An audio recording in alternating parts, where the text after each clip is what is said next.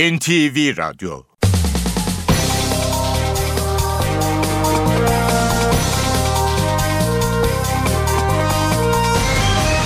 İşe Giderken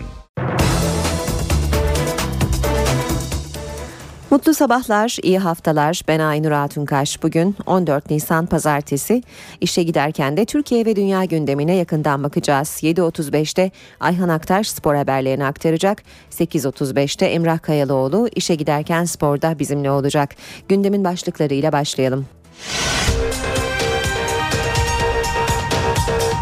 Galatasaray Odea Bank Kadınlar Avrupa Basketbol Şampiyonluğu final maçında Fenerbahçe'yi 69-58 yendi ve kupayı Türkiye'ye ilk kez getirdi. Ukrayna'nın doğusundaki Slavyansk kentinde Rusya yanlılarıyla güvenlik güçleri arasındaki çatışmalarda hayatını kaybedenler var. Ukrayna Devlet Başkanı ordunun da katılımıyla geniş çaplı bir anti terör operasyonu başlatılacağını açıkladı. Birleşmiş Milletler Güvenlik Konseyi de acil olarak toplandı. Türkiye Büyük Millet Meclisi Başkanı Cemil Çiçek, mecliste alınacak güvenlik önlemleri konusunda bugün bir kez daha partilerin grup başkan vekilleriyle bir araya gelecek. Sosyal paylaşım sitesi Twitter'ın temsilcileri bugün Türkiye'ye geliyor.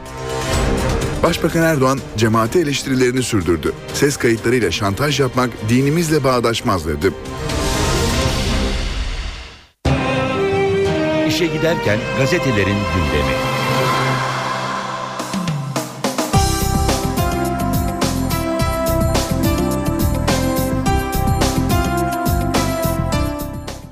Basın özetleriyle devam edelim. Hürriyet gazetesine bakalım. Hürriyet gazetesi ben bu hesabı ödemem manşetiyle çıkmış Yalova'nın yeni belediye başkanı CHP'li Vefa Salman 6 oy farkla kazandığı koltuğa oturur oturmaz önünde 75 bin porsiyonluk yemek faturası buldu. Yalova'da seçimden sonra şimdi de fatura krizi diyor Hürriyet. Toplam 1 milyon 300 bin liralık faturalar eski AK Partili başkan tarafından belediye adına verilen 74 bin 700 porsiyon yemek ve dağıtılan hediyelere ait deniyor haberin devamı devamında. İstanbul'da gri oylar eşit dağıldı başlığını görüyoruz yine hürriyette. Ülke nüfusunun ve seçmeninin beşte birini barındıran İstanbul'daki seçim zannedildiği gibi AK Parti muhaliflerinin büyük ittifakına sahne olmadı. Bekir Ağırdır'ın analizini görüyoruz haberde. Türkiye'deki kutuplaşmanın dışında kalan yaklaşık %40'lık kesimin oyları yani gri oylar AK Parti ve CHP adaylarına eşit dağılınca tablo değişmedi Avrupa'nın kraliçeleri Galatasaray finalde Fenerbahçe'yi devirdi. Kadın basketbolunda Avrupa'nın en büyük kupası olan Euro, Euroleague finalini Galatasaray ile Fenerbahçe oynadı. Türkiye gururla izledi. Galatasaray'ın kızları Rusya'da oynanan maça fırtına gibi başladı. Fenerbahçe son bölümde farkı iki sayıya kadar indirdi ancak yetişemedi.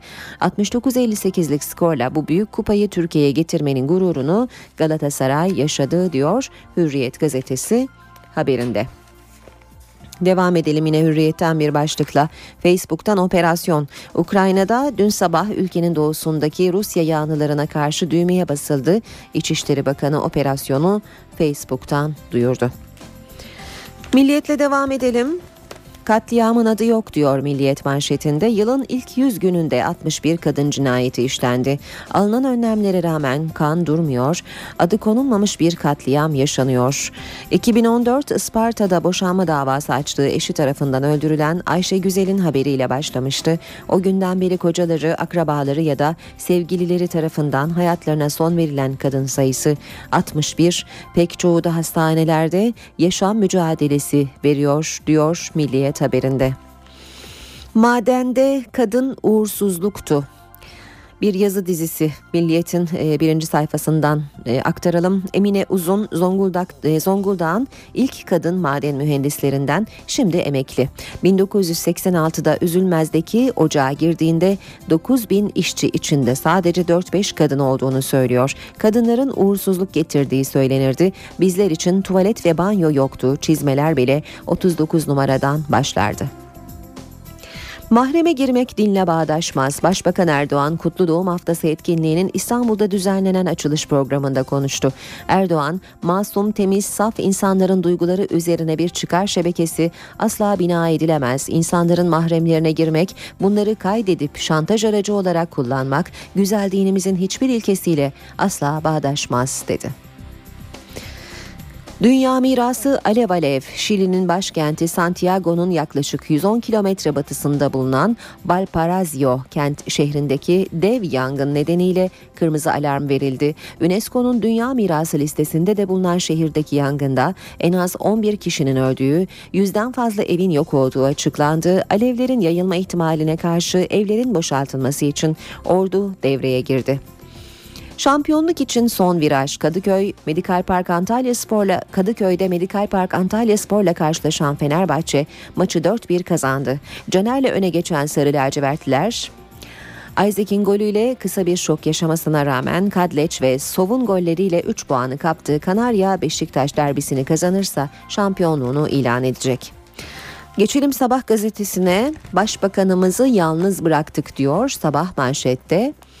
Ankara Belediye Başkanı Melih Gökçe'nin açıklamaları paralel yapıyla mücadelede başbakanımız tek başına bırakıldı. Kırgınlığı olmaması mümkün değil. Ben de biraz geriden geldim.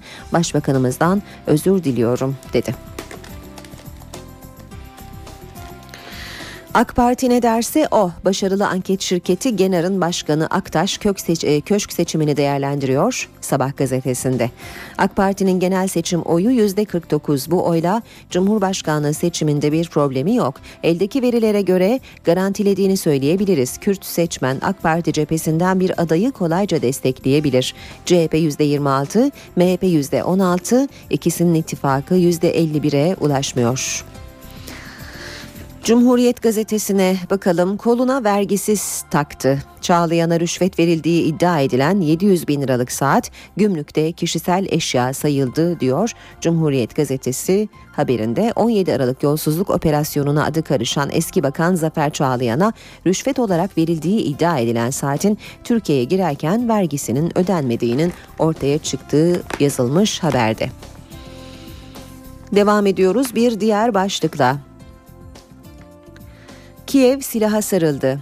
Ukrayna güvenlik güçleri Rusya yanlılarının baskın yaptıkları Slovyansk kasabasına dün operasyon başlattı. Operasyonda ilk belirlemelere göre iki kişi hayatını kaybetti. NATO'dan endişeliyiz açıklaması geldi. Geçelim radikale. Bu yol yanlış. Ünlü İtalyan savcılığının açıklamaları. Ee, İtalya'da mafya ile mücadelenin savcısı Senato Başkanı Grasso, Türkiye'de yolsuzluk görünür hale geldi sürpriz olmadı diyor. Türkiye'deki yolsuzluk dosyalarının ortaya çıkması sürpriz olmadı. Bu söz İtalya'da Cumhurbaşkanından sonra devletin iki numarası olan Senato Başkanı Pietro Grasso'ya ait. Grasso şöyle devam ediyor. Yolsuzluk görünür hale geldi. Yolsuzluğun değil, yolsuzluk olduğunu söyleyenlerin üzerine gidildiği de görünür hale geldi. Yolsuzlukla mücadelenin yolu, yolsuzluklarla mücadele edenlerden kurtulmak olamaz. Petrol payı paradan ibaret değil. Diyarbakır Belediye Eş Başkanı Kışanak'ın üretilen enerjiden pay istemesi önemli. Kışanak yerinden yönetimi savunuyor. Enerji Bakanı Yıldız'ın mümkün değil cevabı merkezi idareyi savunduğunu gösteriyor. Tarhan Erdem'in değerlendirmeleri. Star'la devam ediyoruz. Telaşa düşen yala, e, yalana sarılır. Dışişleri Bakanlığı'ndaki gizli Suriye değerlendirme toplantısını deşifre eden paralel yapının yine dışişlerini şahit göstererek aklanma çabaları sonuç vermedi diyor Star gazetesi haberinde. Haber Türkiye bakalım. Haber Türk'ün sür manşetinde iki spor haberi görüyoruz. Biri Avrupa Destanı başlığını taşıyor. Türkiye kadın basketbolunda Avrupa'nın zirvesinde muhteşemsin Cimbom, teşekkürler Kanarya, bir diğer başlık Karnaval haftası, Sarı Kanarya şampiyonluğa uçuyor. Habertürk'ün manşeti ise ürperten itiraflar. Kars'ta öldürülen 9 yaşındaki Mert Aydın'ın katil zanlısı Aykut Balk aileye başsağlığına bile gitmiş diyor Habertürk haberinde. Yeni Şafak'a bakalım. Mahkeme oyunu bozdu demiş Yeni Şafak manşette. Paralel yapı Adana'da tutuklanan 6 polisi kurtarmak için ilginç bir taktik izledi. İtiraz dilekçesi MIT tırlarını durduran savcının eşi hakim SRT'nin nöbetçi olduğu pazar günü verilecekti. Bypass'ı fa- fark eden Suh hakimi oyunu bozdu. Ve Zaman Gazetesi'ne bakacağız. Daha fazla para için ölüye ayakta muayene diyor Zaman manşette. Sosyal Güvenlik Kurumu Şanlıurfa'daki tıp merkezlerinde yaptığı incelemelerde dudak uçuklatan bulgulara ulaştı. Ankara'da ölen bir şahsın 3 gün sonra Şanlıurfa'daki bir merkezde muayene edilmesi, başka bir tıp merkezinde ayda 20 binin üzerinde acil hastaya bakılması gibi uygulamalarla devletin ciddi zararı uğratıldığı ifade edildi ve inceleme başlatılması istendi.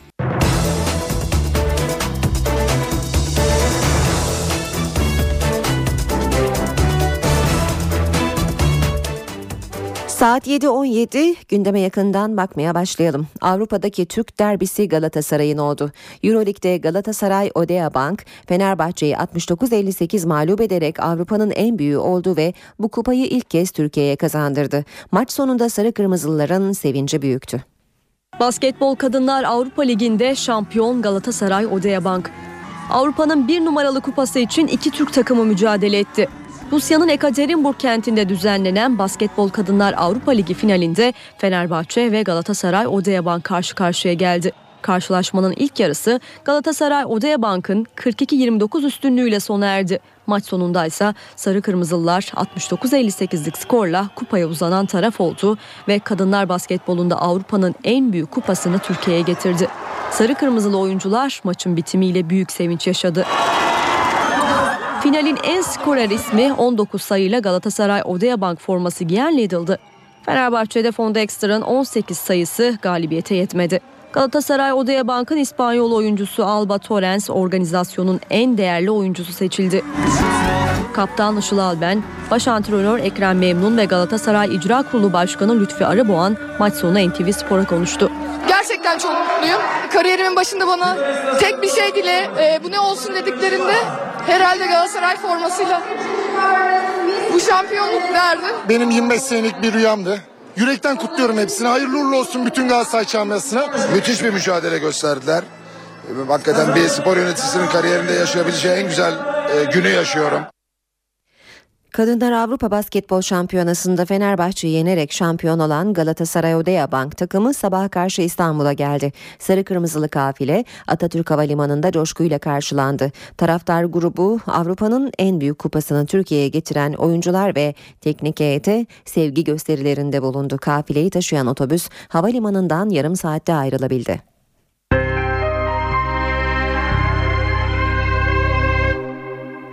Ukrayna'da gerilim tırmanıyor. Ülkenin doğusunda Rusya yanlılarıyla güvenlik güçleri arasındaki çatışmalarda iki taraftan da can kayıplarının olduğu belirtiliyor.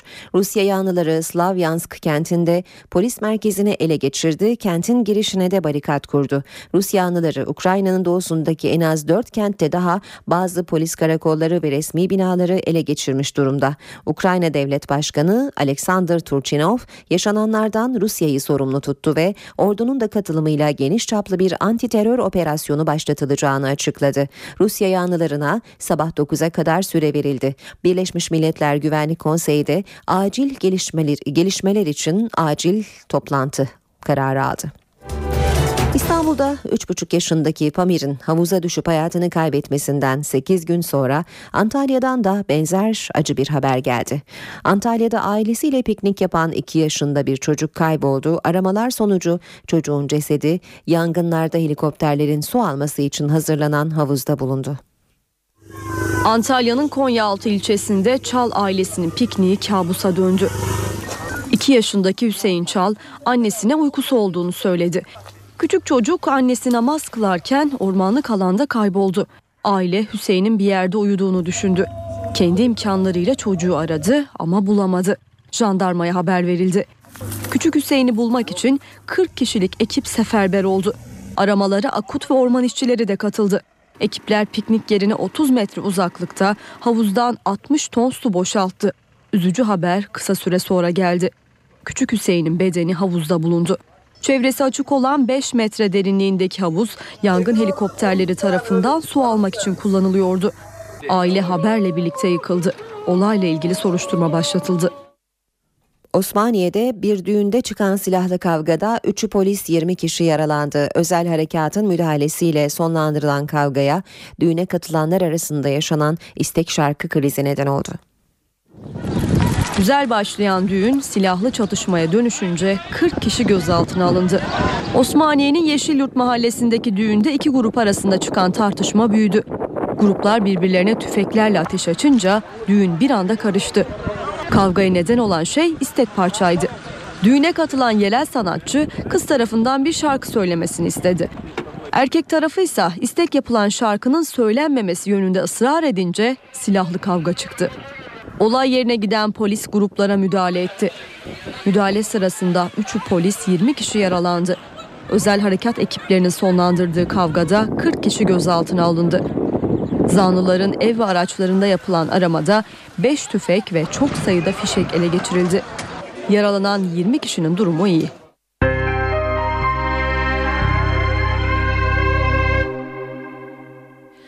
Başbakan Erdoğan İstanbul'da Kutlu Doğum Haftası etkinliklerine katıldı. Konuşmasında cemaati eleştiren başbakan ses kayıtlarıyla şantaj yapmak dinimizle bağdaşmaz dedi. Masum, temiz, saf insanların duyguları üzerine bir çıkar şebekesi asla bina edilemez. İnsanlara iftira atmak, insanların iffetlerine dil uzatmak, insanların mahremlerine girmek, bunları kaydedip tehdit ve şantaj aracı olarak kullanmak bu dinin, güzel dinimizin hiçbir ilkesiyle asla bağdaşmaz. Sınırlar belliyken, helal ve haram dairesi belliyken, örgüt çıkarları adına sınırları aşmak, helal ve haram dairesinden çıkmak, iman ve samimiyet dairesini de terk etmektir açık açık ifade etmeliyim ki din ne devletin ne siyasetin ne de arzularına yenik düşmüş hırslıların elinde elverişli bir imkan olarak görülemez.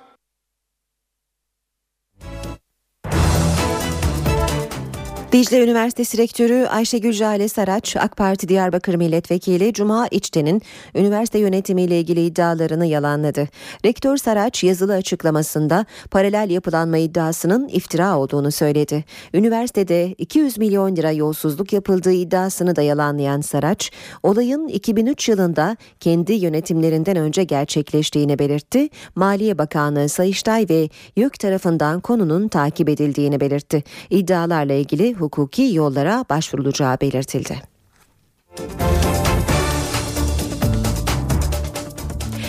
Hükümetten Anayasa Mahkemesi'ne dönük tepkilere mahkeme başkanından yanıt geldi. Biz işimizi yapıyoruz diyen Haşim Kılıç, HSYK düzenlemesine ilişkin yorumlara da tepki gösterdi. Önce Twitter'a erişim engelini kaldıran karar, ardından da Hakimler ve Savcılar Yüksek Kurulu ile ilgili kısmi iptal kararı. Bu iki karardan sonra hükümetin eleştirileri Anayasa Mahkemesi'ne yöneldi. Herkes sınırlarını bilecek. Siyaset yapmak isteyen koltuğundan kalkar, cübbesini çıkarır, gelir siyasi partilerin çatısı altında siyasetini yapar. Tepkilere Yüksek Mahkemenin Başkanı Haşim Kılıç'tan cevap geldi. Milliyet gazetesine konuşan Kılıç, anayasanın verdiği yetki çerçevesinde görevimizi yerine getiriyoruz dedi. Anayasa Mahkemesi Başkanı, Hakimler ve Savcılar Yüksek Kurulu ile ilgili iptal başvurusunun gündemde olmamasına rağmen öne alınarak görüşüldüğü iddialarına da doğru değil yanıtını verdi. HSYK ile ilgili konunun görüşüleceği bir hafta önce düzenlenen gündemde yer alıyordu. Heyet üyelerine de gündem gönderilmişti. Üyelerin bilgisindeydi.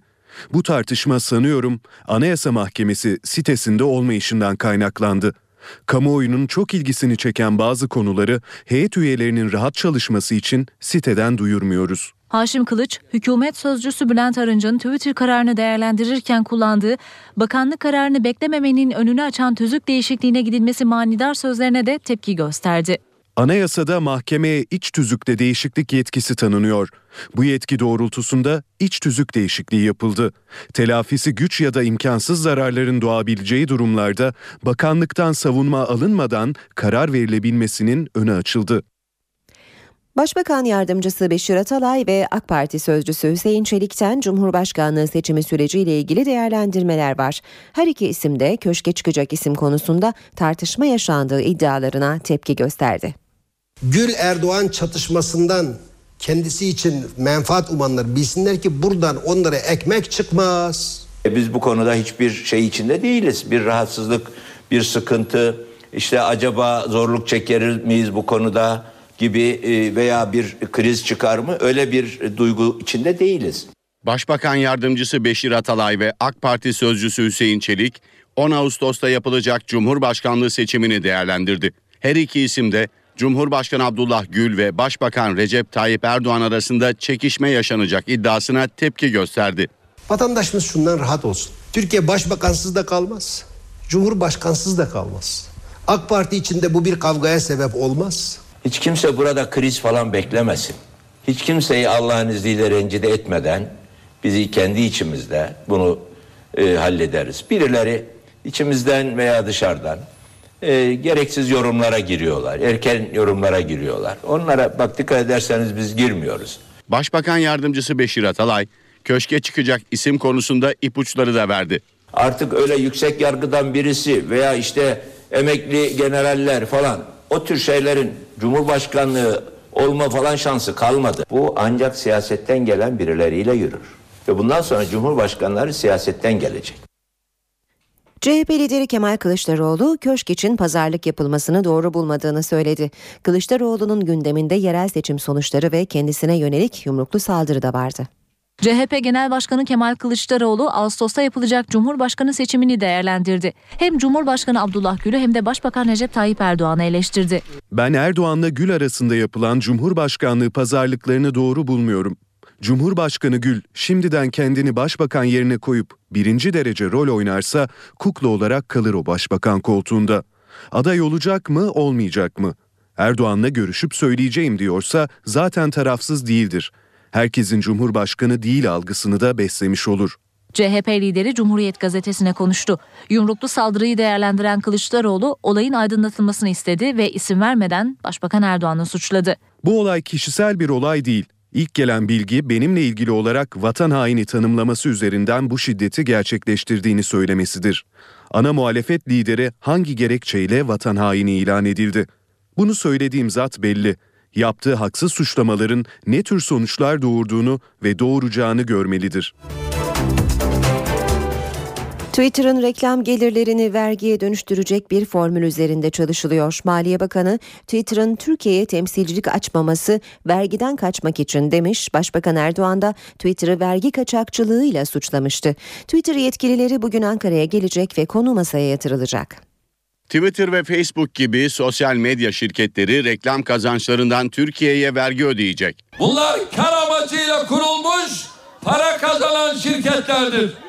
Ve aynı zamanda Twitter denilen aynı zamanda vergi kaçakçısıdır. Maliye Bakanlığı bir süre önce sosyal medya şirketlerinin reklam gelirlerini mercek altına aldı. Türkiye'de yaklaşık 1 milyar dolarlık online reklam pazarının olduğu ve elde edilen kazancın yaklaşık %70'inin vergisiz bir şekilde yurt dışına çıktığı tespit edildi. Sosyal medya alanında faaliyet gösteren birçok şirket, Twitter dahil olmak üzere büyük Türkiye'den haksız kazanç elde ediyorlar ve bu verginin yani bu kazançtan verilmesi gereken vergiyi vermiyorlar. Bakanlık bu sorunu online reklam gelirlerinin hizmet geliri kapsamına alınmasını sağlayacak bir düzenleme ile çözmeye hazırlanıyor. Twitter temsilcileri Ankara'da Telekomünikasyon İletişim Başkanlığı ile Bilgi Teknolojileri ve İletişim Kurumu yetkilileriyle görüşecek. Saat 7.30 ilk yarım saatimiz geride kalıyor. Bir ara vereceğiz ama önce İstanbul'u dinleyenlerimizi uyaralım. İstanbul'da sis nedeniyle deniz ulaşımı aksıyor. Vapur seferleri şu anda yapılamıyor. Hem şehir hatları vapur seferleri hem de arabalı vapur seferlerinin iptal edildiğini söyleyelim. Birazdan ayrıntılı yol durumu da aktaracağız. Galatasaray Odea Bank Kadınlar Avrupa Basketbol Şampiyonluğu final maçında Fenerbahçe'yi 69-58 yendi ve kupayı Türkiye'ye ilk kez getirdi. Ukrayna'nın doğusundaki Slavyansk kentinde Rusya yanlılarıyla güvenlik güçleri arasındaki çatışmalarda hayatını kaybedenler var. Ukrayna Devlet Başkanı ordunun da katılımıyla geniş çaplı bir anti terör operasyonu başlatılacağını açıkladı. Birleşmiş Milletler Güvenlik Konseyi de acil olarak toplandı. Türkiye Büyük Millet Meclisi Başkanı Cemil Çiçek, mecliste alınacak güvenlik önlemleri konusunda bugün bir kez daha partilerin grup başkan vekilleriyle bir araya gelecek. Sosyal paylaşım sitesi Twitter'ın temsilcileri bugün Türkiye'ye geliyor. Başbakan Erdoğan cemaate eleştirilerini sürdürdü. Ses kayıtlarıyla şantaj yapmak dinimizle bağdaşmaz dedi. Sırada spor haberleri var. Ayhan Aktaş aktaracak spor haberlerini. Dün adeta final günüydü. E, sporda kadınlar ve erkeklerde voleybolda final maçları vardı ama herkesin gözü Galatasaray ile Fenerbahçe arasında e, Euroleague finalindeydi. Kadınlar arasında oynanan e, bu şampiyonada gülen taraf Galatasaray Odea Bank oldu ve kadınlar Avrupa şampiyonu olarak bu kupayı ilk defa Türkiye'ye getirdi. Diğer taraftan da futbolda Fenerbahçe şampiyonluğa bir adım daha yaklaştı diyebiliriz. Ayhan Aktaş günaydın. Günaydın Aynur. Bu haberlerin ayrıntıları sende. Teşekkür ederim.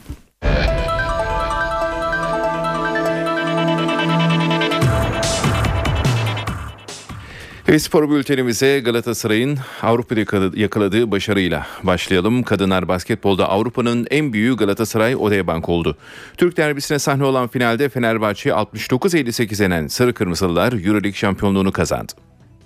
Basketbol Kadınlar Avrupa Ligi'nde şampiyon Galatasaray Odeabank. Rusya'nın Yekaterinburg kentinde düzenlenen organizasyonun finalinde ezeli rakibi Fenerbahçe'yi 69-58 yenen Sarı Kırmızılılar Avrupa'nın bir numaralı kupasının sahibi oldu.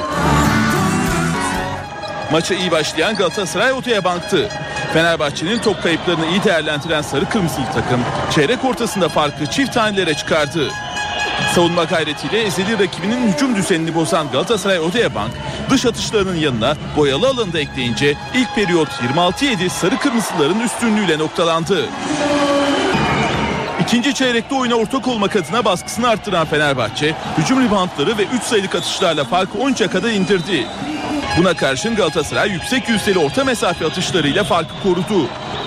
Fenerbahçe'de Pondexter ve bir Selin sayıları Sarı lacivertleri oyunda tuttu ve devre 42-29 Galatasaray üstünlüğüyle geçildi. Üçüncü çeyreğe iki takım da üst üste top kayıplarıyla başladı. Çeyrek sonuna doğru kenardan gelen oyuncuların da skora katkısıyla fark 7'ye kadar indi. Galatasaray Odea Bank'ta mola sonrası son hücumu kullanan Alba Torrens serbest atıştan bulduğu sayılarla 3. çeyreğin skorunu belirledi. Sarı Kırmızılar son periyoda 53-44 önde girdi. Son çeyrekte Fenerbahçe iyi savunma yaptı. Sarı lacivertler hızlı hücumlarla sayılar bularak rakibini yakaladı. Galatasaray Otoyabank'ın skor üretmekte zorlandığı son bölümde fark 2 sayıya kadar indi. Son bölüme damgasını vuran isimse Şebnem Kimyacıoğlu'ydu. İki kritik 3 sayılık isabet bulunan Şebnem, Sarı lacivertlere havlu attıran isim oldu. Maçın sonunu iyi oynayan Galatasaray Odeabank sağdan 69-58 galip ayrılıp Avrupa şampiyonu oldu. Sarı kırmızılı oyuncular maçın bitimiyle büyük sevinç yaşadı. Finalin en skorer ismi 19 sayıyla Galatasaray Odeabank forması giyen Little'dı.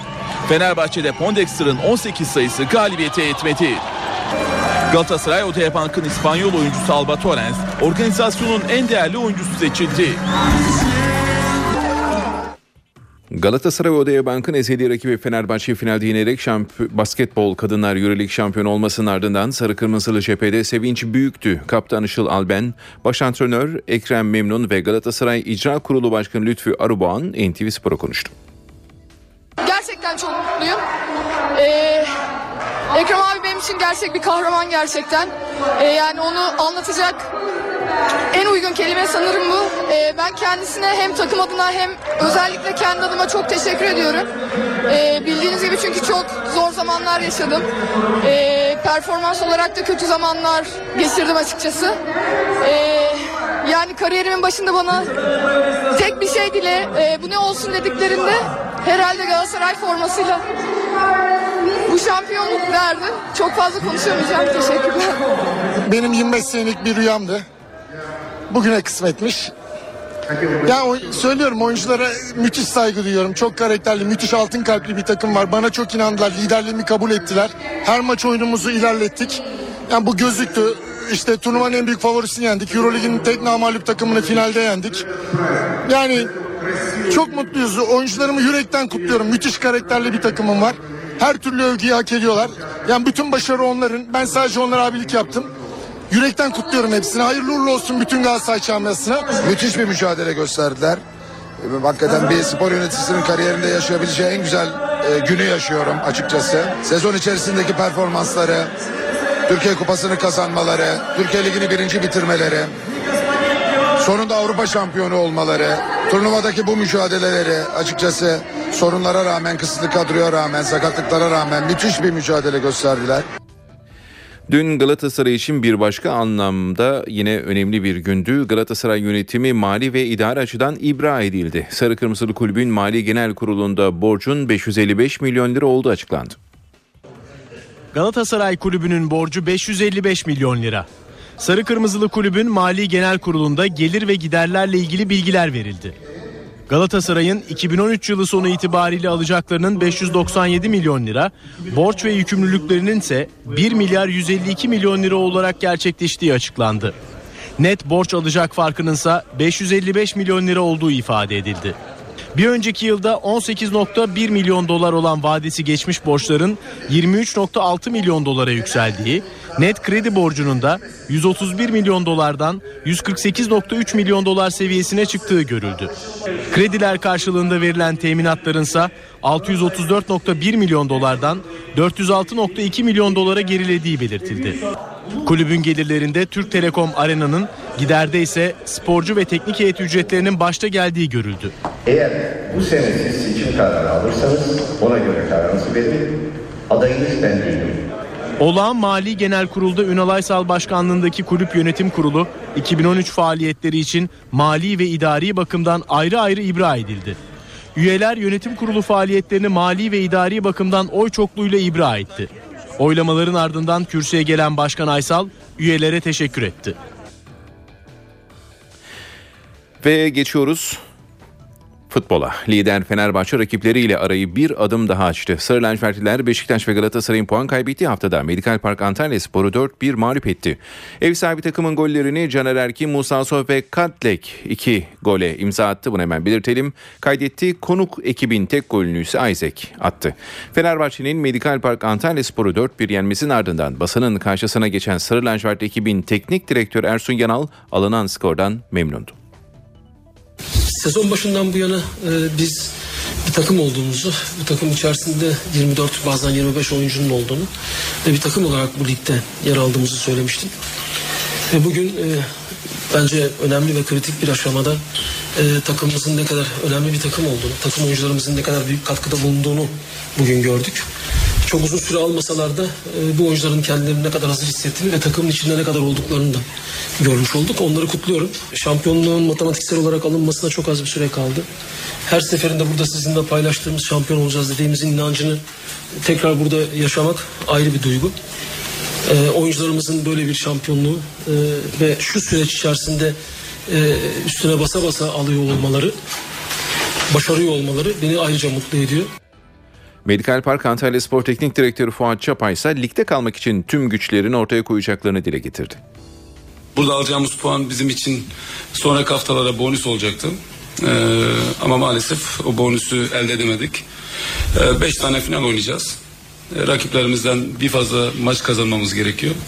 Bunu da yapacak hem e, güce hem inanca hem de e, oyuncu kadrosuna sahibiz. 34 hafta sonunda inşallah e, Antalya Sporu layık olduğu, hak ettiği e, Süper Lig'de bırakıp gelecek sezonun planlarını yaparız. Fenerbahçe'nin Kadıköy'de bileği bükülmüyor. Sarı lacivertliler sahasındaki yenilmezlik serisini 21 maça çıkardı. Spor Toto Süper Lig'de sahasında Medikal Park Antalya Sporu 4-1 yenen lider Fenerbahçe Kadıköy'deki yenilmezlik serisini 21 maça çıkardı. Şükrü Saracoğlu stadında ligde son yenilgisini geçen sezonun 20. haftasında Sivas Spor karşısında alan Sarı Lacivertli ekip bu karşılaşmanın ardından oynadığı 21 maçta 19 galibiyet 2 beraberlik elde etti. Fenerbahçe Kadıköy'deki seride 56 gol atarken kalesinde 15 gol gördü. Öte yandan sezon başında Fenerbahçe'nin başına geçen teknik direktör Ersun Yanal ligde Kadıköy'de sahadan yenilgiyle ayrılmadı. Yanal döneminde bu sezon sahasında şu ana kadar 15 lig maçı oynayan Sarı Lacivertli takım 13 galibiyet 2 beraberlik aldı. Geçen sezon teknik direktör Aykut Kocaman yönetiminde sahasındaki son 6 maçı kazanarak yenilmezlik serisine başlayan Fenerbahçe, Kocaman döneminde Kadıköy'de 47 maçlık yenilmezlik serisi yakalamıştı.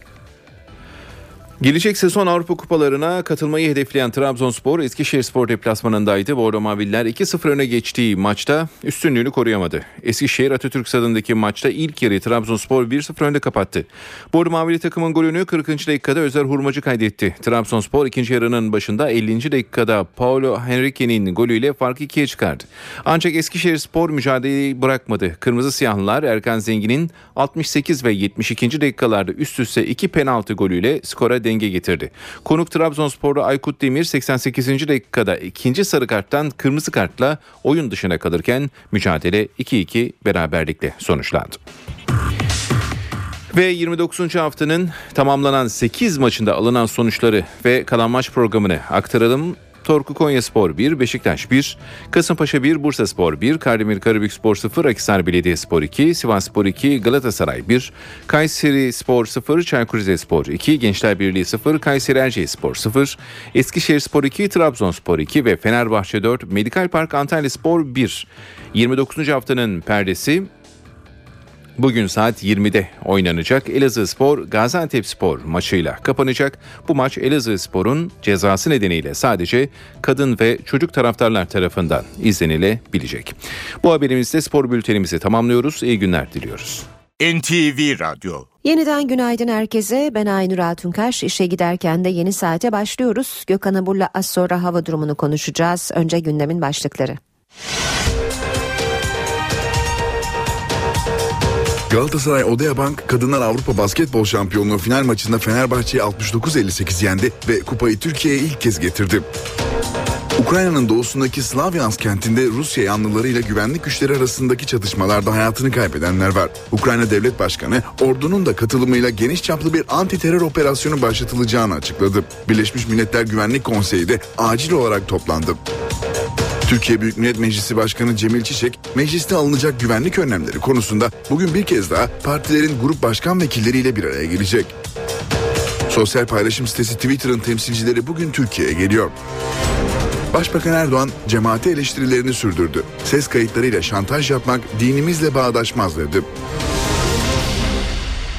Gökhan Abur'la beraberiz. Merhaba Sayın Abur. Merhaba. İstanbul'da başlayalım. Ee, erken saatlerden beri sis kalkmadı. Bu sebeple de deniz ulaşımı aksıyor. Sis havanın sıcak olacağının habercisi mi? Hem habercisi hem de aslına bakarsanız bu radyasyon sisi dediğimiz sis Boğaz'da var yalnızca. İstanbul'un bir de Maslak'ta var. Diğer kesimlerinde yok.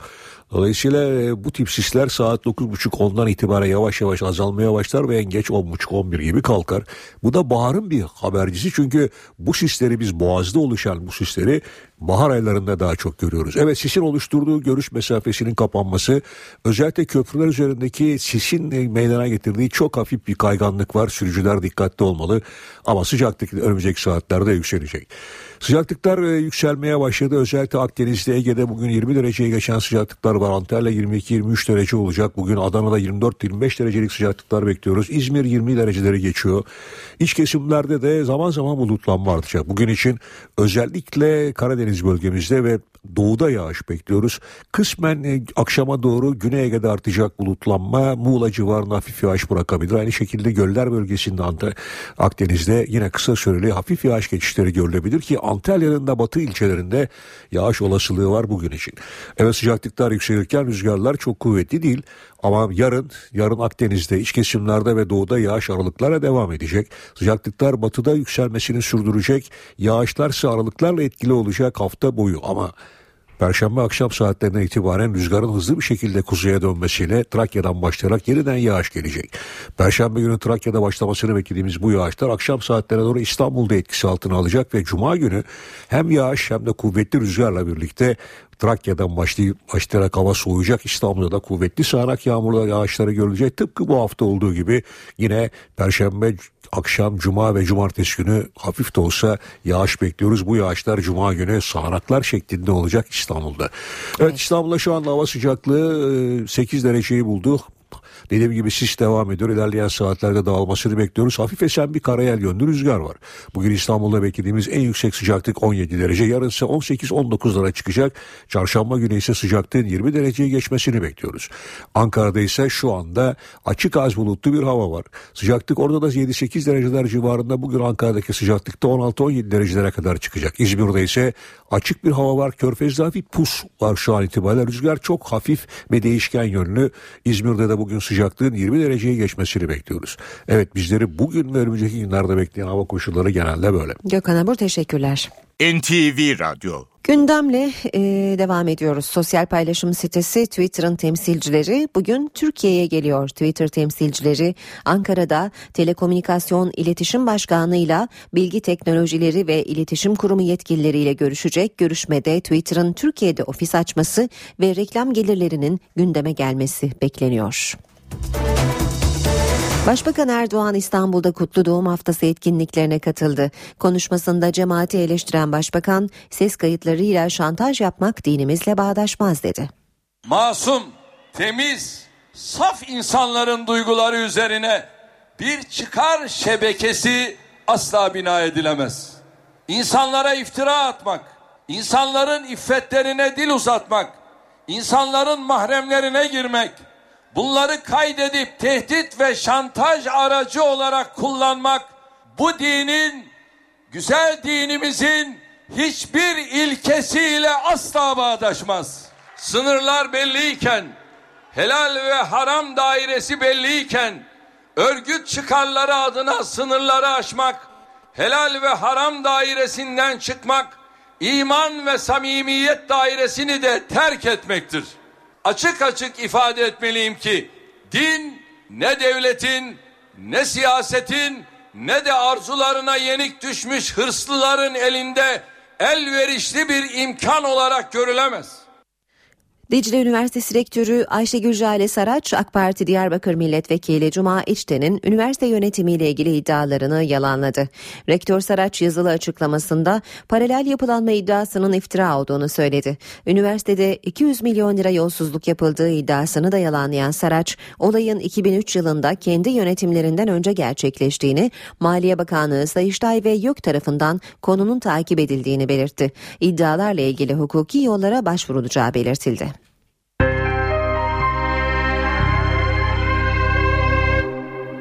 Ukrayna'da gerilim tırmanıyor. Ülkenin doğusunda Rusya yanlılarıyla güvenlik güçleri arasındaki çatışmalarda iki taraftan da can kayıplarının olduğu belirtiliyor. Rusya yanlıları Slavyansk kentinde polis merkezini ele geçirdi. Kentin girişine de barikat kurdu. Rus yanlıları Ukrayna'nın doğusundaki en az dört kentte daha bazı polis karakolları ve resmi binaları ele geçirmiş durumda. Ukrayna Devlet Başkanı Alexander Turchinov yaşananlardan Rusya'yı sorumlu tuttu ve ordunun da katılımıyla geniş çaplı çaplı bir anti terör operasyonu başlatılacağını açıkladı. Rusya yanlılarına sabaha sabah 9'a kadar süre verildi. Birleşmiş Milletler Güvenlik Konseyi de acil olarak toplandı. Meksika'da meydana gelen trafik kazası ve ardından çıkan yangında 36 kişi hayatını kaybetti. Kaza Veracruz eyaletinin başkenti Tabasso yakınlarındaki otoyolda meydana geldi.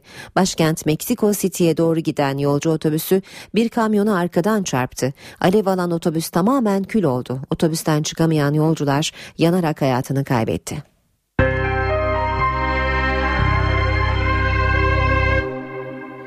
Diyarbakır'da BDP'li Hani Belediyesi eş başkanı Nevin Oktay babası tarafından bıçaklı saldırıya uğradı. Nevin Oktay ve babası Mehmet Oktay arasında tartışma çıktı. Babasının yüzünden ve ayağından bıçakladığı eş başkan yakınları tarafından hastaneye götürüldü. Hani'den Dicle Üniversitesi Hastanesi'ne sevk edilen Oktay'ın sağlık durumu iyi. Olayın ardından kaçan baba yakalanarak gözaltına alındı. Türk Hava Yolları'nın İstanbul-Moskova seferini yapacak olan uçağında bir yolcunun klimaları açın patladık demesi üzerine bomba araması yapıldı.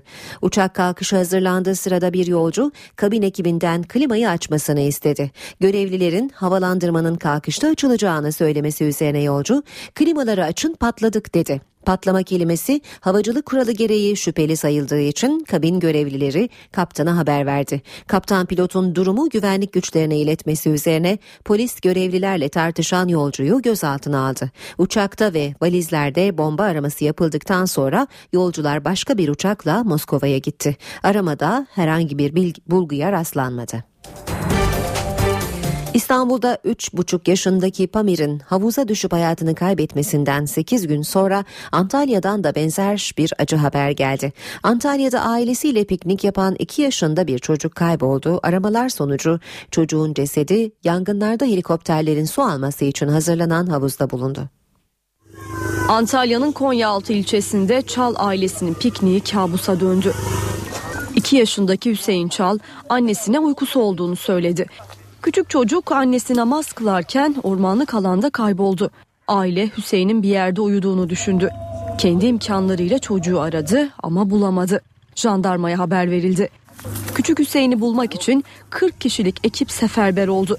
Aramaları akut ve orman işçileri de katıldı. Ekipler piknik yerine 30 metre uzaklıkta havuzdan 60 ton su boşalttı. Üzücü haber kısa süre sonra geldi. Küçük Hüseyin'in bedeni havuzda bulundu.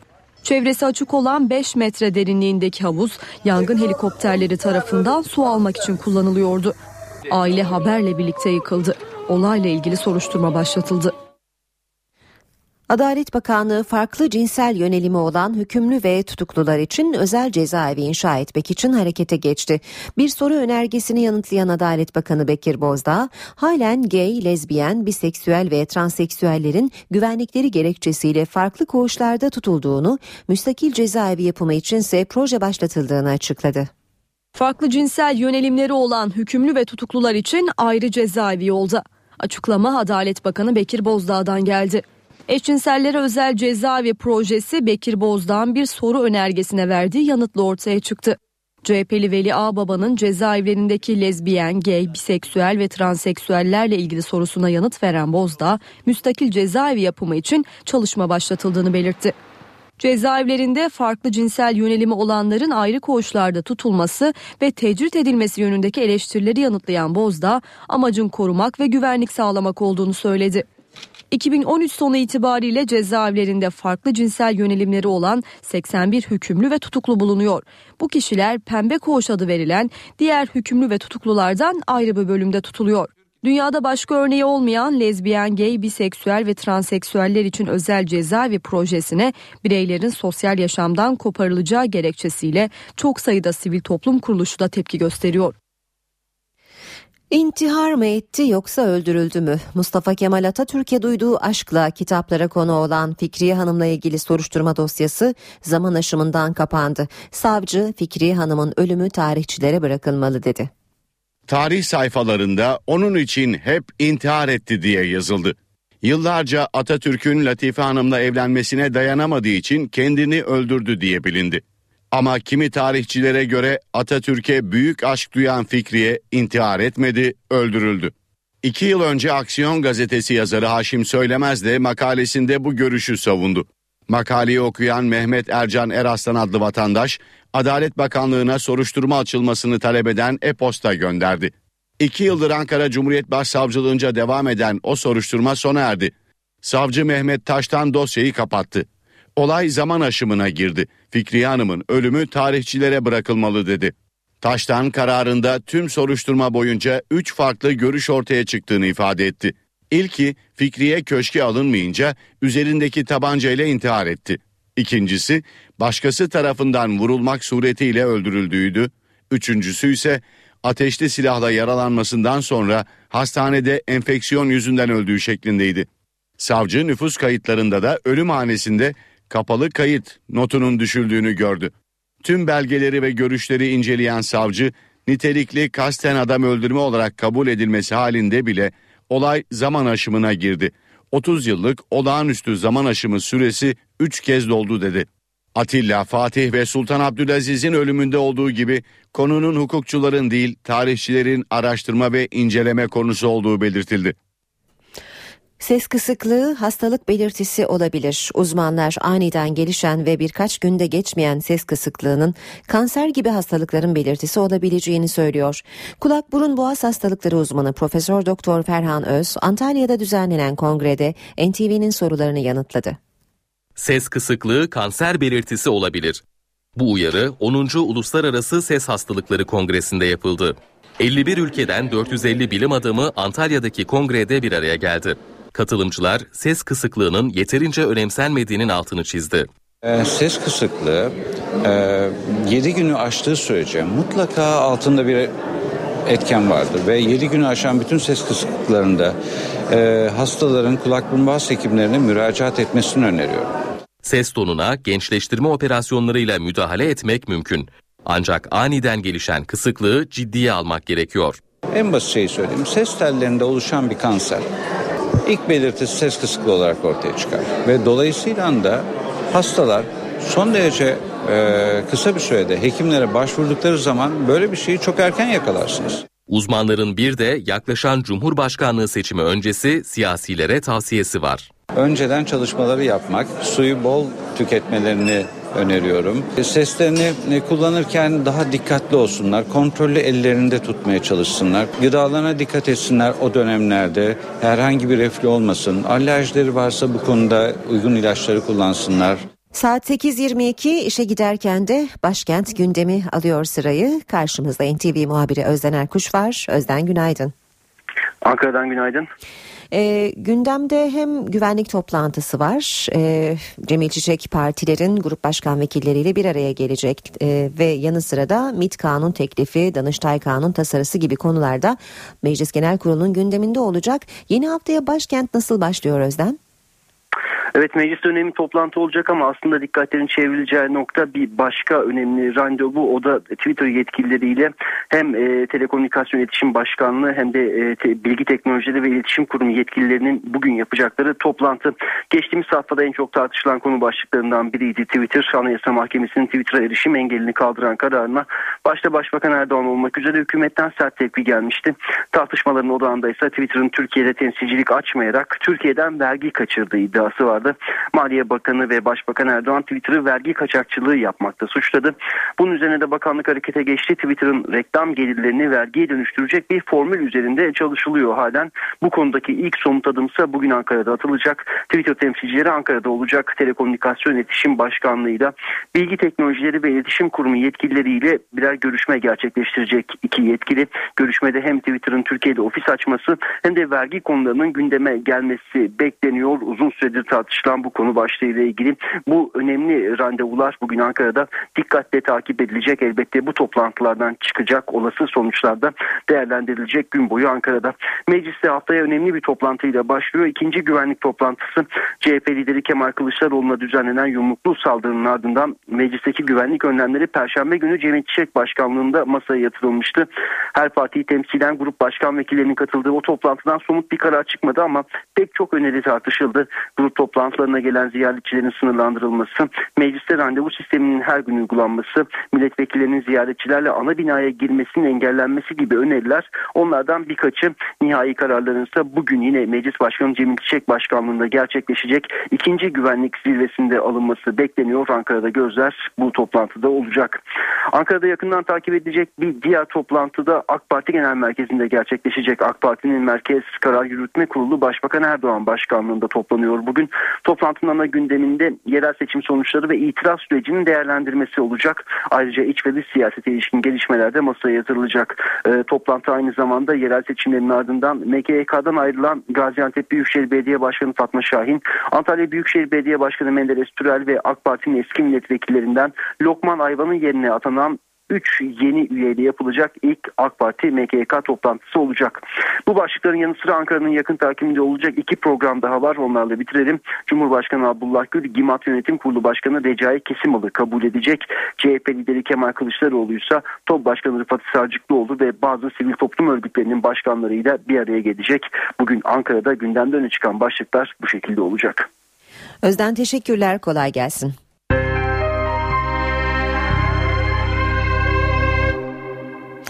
Şimdi başlığımız ekonomi. E, Profesör Doktor Güngör Uras bu sabah Ayşe teyze cari açık rakamlarından bahsedecek. Ayşe teyze ne yapsın? Güngör Uras, Ayşe teyze ekonomide olan biteni anlatıyor. Merhaba sayın dinleyenler, merhaba Ayşe teyze, merhaba Ali Rıza Bey amca. Şubat ayında cari açımızın ne büyüklükte olduğunu ve de bu açığı nasıl kapattığımızı gösteren rakamlar açıklandı. Cari açık olağan döviz gelirleriyle giderleri arasındaki farktır. Olağan döviz giderlerinde ağırlığı ithalat harcamaları oluşturur. Olağan döviz gelirlerinde ise ağırlık ihracat ve turizm gelirlerimizdir. Bizim olağan döviz gelirlerimiz, giderlerimizi kapatamıyor. Onun için de devamlı olarak döviz açığı veriyoruz. Ekonominin normal çalıştığı dönemlerde ayda 5 milyar dolar, 6 milyar dolar hatta 7 milyar dolar açık verdiğimiz oldu. Ekonomi yönetimi tüketimde ve büyümede frene basınca ithalat harcamaları azaldı. İhracat da biraz kıpırdayınca aylık cari açık döviz açığımız bu yılın Ocak ve Şubat aylarında küçüldü. İlk iki ayın döviz açığı 8 milyar dolar dolayında oldu. Geçen yılın ilk iki ayında açık 11 milyar dolara yakındı. Geçen yılın ilk iki ayına göre döviz açığımızda önemli bir azalma var. Açık ithalat azaldığı için, ihracat artışı başladığı için azalıyor, küçülüyor. Ancak açık ne kadar küçülürse küçülsün bu açığı kapatacak dövizi bulmak zorundayız. Açığı kapatacak döviz bir yurt dışından doğrudan yatırım için geliyor. İki bono satın almak veya borsada e, hisse senedi satın almak için geliyor. Üç kredi olarak geliyor. İlk iki ayda açığın yarısını yurt dışından gelen dövizlerle kapattık. Açığın diğer yarısını kapatmak için daha önce biriktirdiğimiz dövizleri harcadık. İşte bunun için bir yanda açığı küçültürken öte yanda açığı kapatacak ölçüde döviz girişini sağlamaya mecburuz. Sevinilecek tablo şudur. Bir, açık küçülüyor. İki, ve de biz bu açığı kapatmakta zorlanmıyoruz. Ama bu yeterli değil. Açığı kapatmanın ilacı ihracatı arttırmaktır. İhracat artışı sadece döviz getirmiyor. Ülkede üretimin ve istihdamın da artmasına imkan veriyor. Bir başka söyleşi de birlikte olmak ümidiyle şen ve esen kalınız sayın dinleyenler. Güngör Uras'a sormak istediklerinizi ntvradio.ntv.com.tr adresine yazabilirsiniz. Piyasalara bakalım. BIST 100 endeksi Cuma günü %0,57 oranında değer kaybedip 72.736 puandan kapandı. Yeni haftaya dolar 2.12'den euro 2.93'ten başladı. Euro dolar 1.39 dolar yen 102 düzeyinde. Altının onsu 1327 dolar kapalı çarşıda. Külçe altın gramı 90 lira. Brent petrolün varili 108 dolar. Emrah Kayalıoğlu'yla işe giderken spor. İşe giderkenin son dakikalarını spora ayırdık yine her sabah olduğu gibi. Günaydın herkese. Sporun gündemi oldukça yoğun. Ee, Vallahi, ne söylersiniz? yani Nereden başlamak lazım? Türk spor tarihinin en büyük, en önemli finaline sahne oldu. İki Türk takımının birden herhangi bir spor branşında bir numaralı kupada e, yani daha doğrusu bayan voleybolda biz bu tip şeylere aslında alışık değiliz diyemeyiz. Oralardan hı hı. çok önemli e, başarılarımız, şeyler, başarılarımız var ama e, bayan basketbolda da hem de Galatasaray Fenerbahçe gibi Türk sporunun iki lokomotif kulübünün e, karşı karşıya gelmesi bayan basketbolun bir numaralı kupasında Avrupa'nın o hakikaten tarihi hakikaten bir andı. gurur vericiydi. Tarihi bir andı. Ben bir kere öncelikle özür dileyerek başlayayım. Ben çünkü geçen hafta e, kapatırken yorumlarınızı hatırlıyor e, yani Galatasaray'ın Ekaterinburg karşısında çok fazla şansı olmayacağını Fenerbahçe'nin Burcu geçip finalde Ekaterinburg'la oynamasını e, tahmin ettiğimi söylemiştim. E, Galatasaraylı kızlar bizi gerçekten utandırdılar. Biz öyle utanmaya razıyız. O Ekaterinburg karşısındaki basketbolu yani unutulacak gibi değildi. Gerçekten kocaman bir e, alkışı hak ettiler. Üstüne finalde de gerçekten inanılmaz bir başlangıçla e, girdiler oyuna. E, aslında biraz yarı final ve final ikisini birlikte de düşünebiliriz. Çünkü e, bakıyoruz FIBA yetkilileri de öyle düşünüp yarı finaldeki e, tamam finalde de kötü değildi ama e, yarı finaldeki o inanılmaz basketbol yüzünden MVP ödülünü Alba Torrens'e verdiler. İki maçı bir arada değerlendirdiler yani. Evet. e, yani şimdi o Galatasaray'la ilgili aslında Ekaterinburg maçı öncesi benim bu kadar umutsuz konuşmama sebep e, Galatasaray'ın o dar rotasyonuydu. Yani Ekaterinburg'un yıpranmadan e, gruptan çıktığını, oyuncu kadrosunu çok iyi bir şekilde kullanarak geldiğini Galatasaray ise dar bir rotasyona sahip olduğu için e, oyuncularda ciddi yorgunluk olacağını da düşünüyordum ben. Gerçekten onu bir kere maçın sonlarında o yorgunluğu hissetseler de e, elde ettikleri farkla sonuca gitmeyi bildiler. Yarı final için söylüyorum. E, yarı finale geldiğimizde yani inanılmaz bir başlangıç yaptılar zaten. 20'leri buldular daha ilk çeyrekte fark olarak. E, ondan sonra Fenerbahçe o farkı ikiye kadar indirdi. E, işte o noktada yani bu e, Avrupa şampiyonluğunda her oyuncunun mutlaka katkısı var. Hepsine ayrı bir yer açabilirsiniz ama e, Ekrem Memnun'un e, hem bütün Final 8 boyunca hem öncesiyle hem de özellikle yarı final ve final maçlarında e, neden bu kadar ön plana çıktığını işte o ilk fark iki sayıya indiğinde gördük. Yani yarı finalin kahramanı finalde de fena oynamayan Alba Torrens'i kenara alıp e, basketbola ara vermiş e, işte sonradan dönmüş Final 8'te o dakikaya kadar e, 6'da 0 üçlükle gelen Fenerbahçe maçı da dahil buna grupta oynadıkları Fenerbahçe o maçı da 3'te 0'la oynamıştı. E, Şebnem'i sahaya sürdü. Evet. E, Ekaterinburg'un o salonunda 6'da 0'la işte ilk e, maçları geçmiş olan Şebnem eli titremeden iki tane üçlük atı verdi bir anda ve maç orada bitti. Şimdi bu e, mesela yarı final maçını hatırlayalım. E, Sancho Lita'nın o 8. dakikada sakatlanması e, ilk çeyrekte daha. Yani o dakikaya kadar e, 5 bölü 7 civarında bir şeyle oynuyordu ve 12 sayı bulmuştu toplam.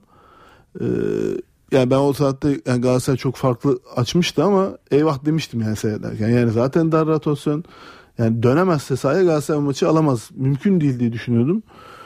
Ee, dönmedi ve yine de aldı Galatasaray maçı.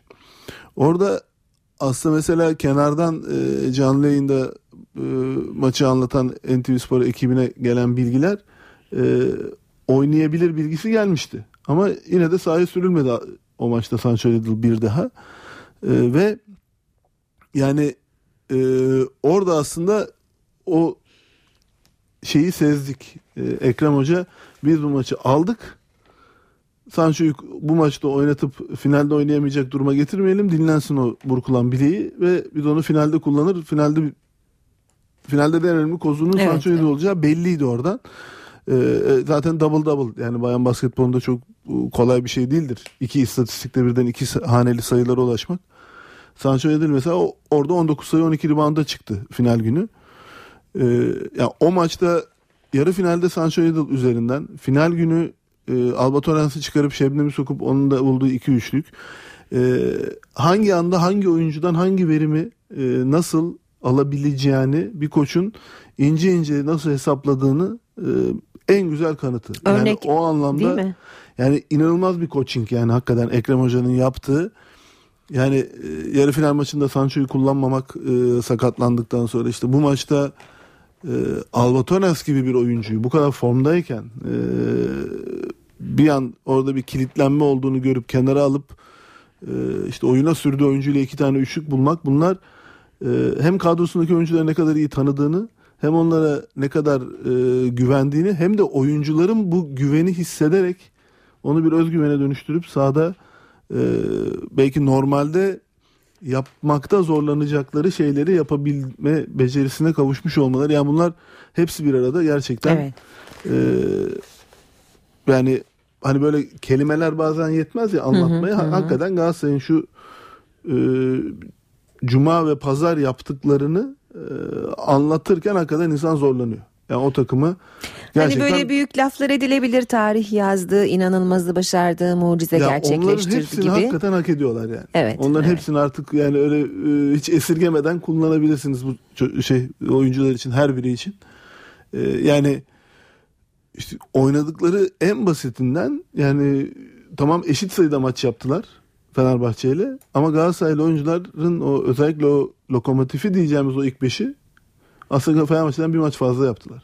Yani oynadıkları süreleri dökerseniz Evet. o çok net çıkıyor. Yani işte e, Işıl Zelus 190, Işıl 189 dakika sahada kalmış.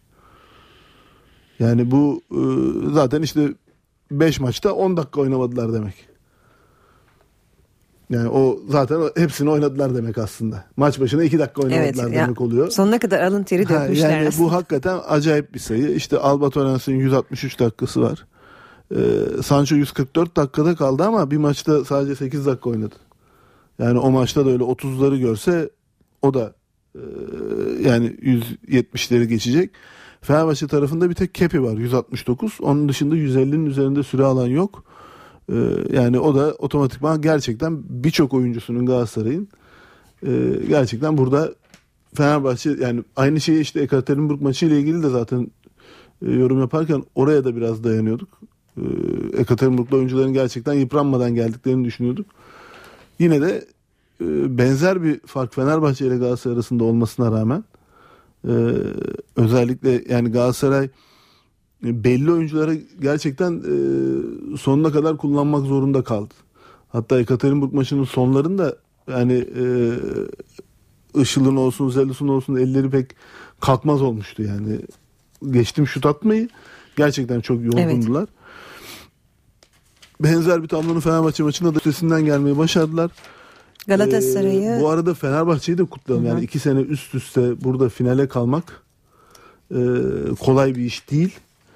E, Final Eight ile ilgili son cümlemiz Ekaterinburg'la ilgili e, bir negatif bir şey olacak maalesef. E, yani sosyal medyaya yansıyan o protokol tribününde yaşananlarla ilgili fotoğraftaki ismini zaten herkes telaffuz etti ama yani bir eğitimciye yakışmayan bir tablo o kadarını söylemek zorundayız. Hiç kimse kusura bakmasın. Bir eğitimcinin o hareketi yapmaması lazım. Bir okul müdürünün Ee, yani o kadarıyla bırakalım. O herkes kimin ne olduğunu biliyor. Öncesinde sonrasında ne yaşanmış olursa olsunu da ekleyelim. Yani e, orada insanlar sonuçta siz orada bir eğitim kurumunu sadece o kulübü değil eğitim kurumunu da temsil ediyorsunuz. Ee, o olmadı yani. Neyse o sahadaki güzelliği bize unutturtmasın yeter ki. Peki hem e, Galatasaray'ı hem de Fenerbahçe'yi kutlayalım.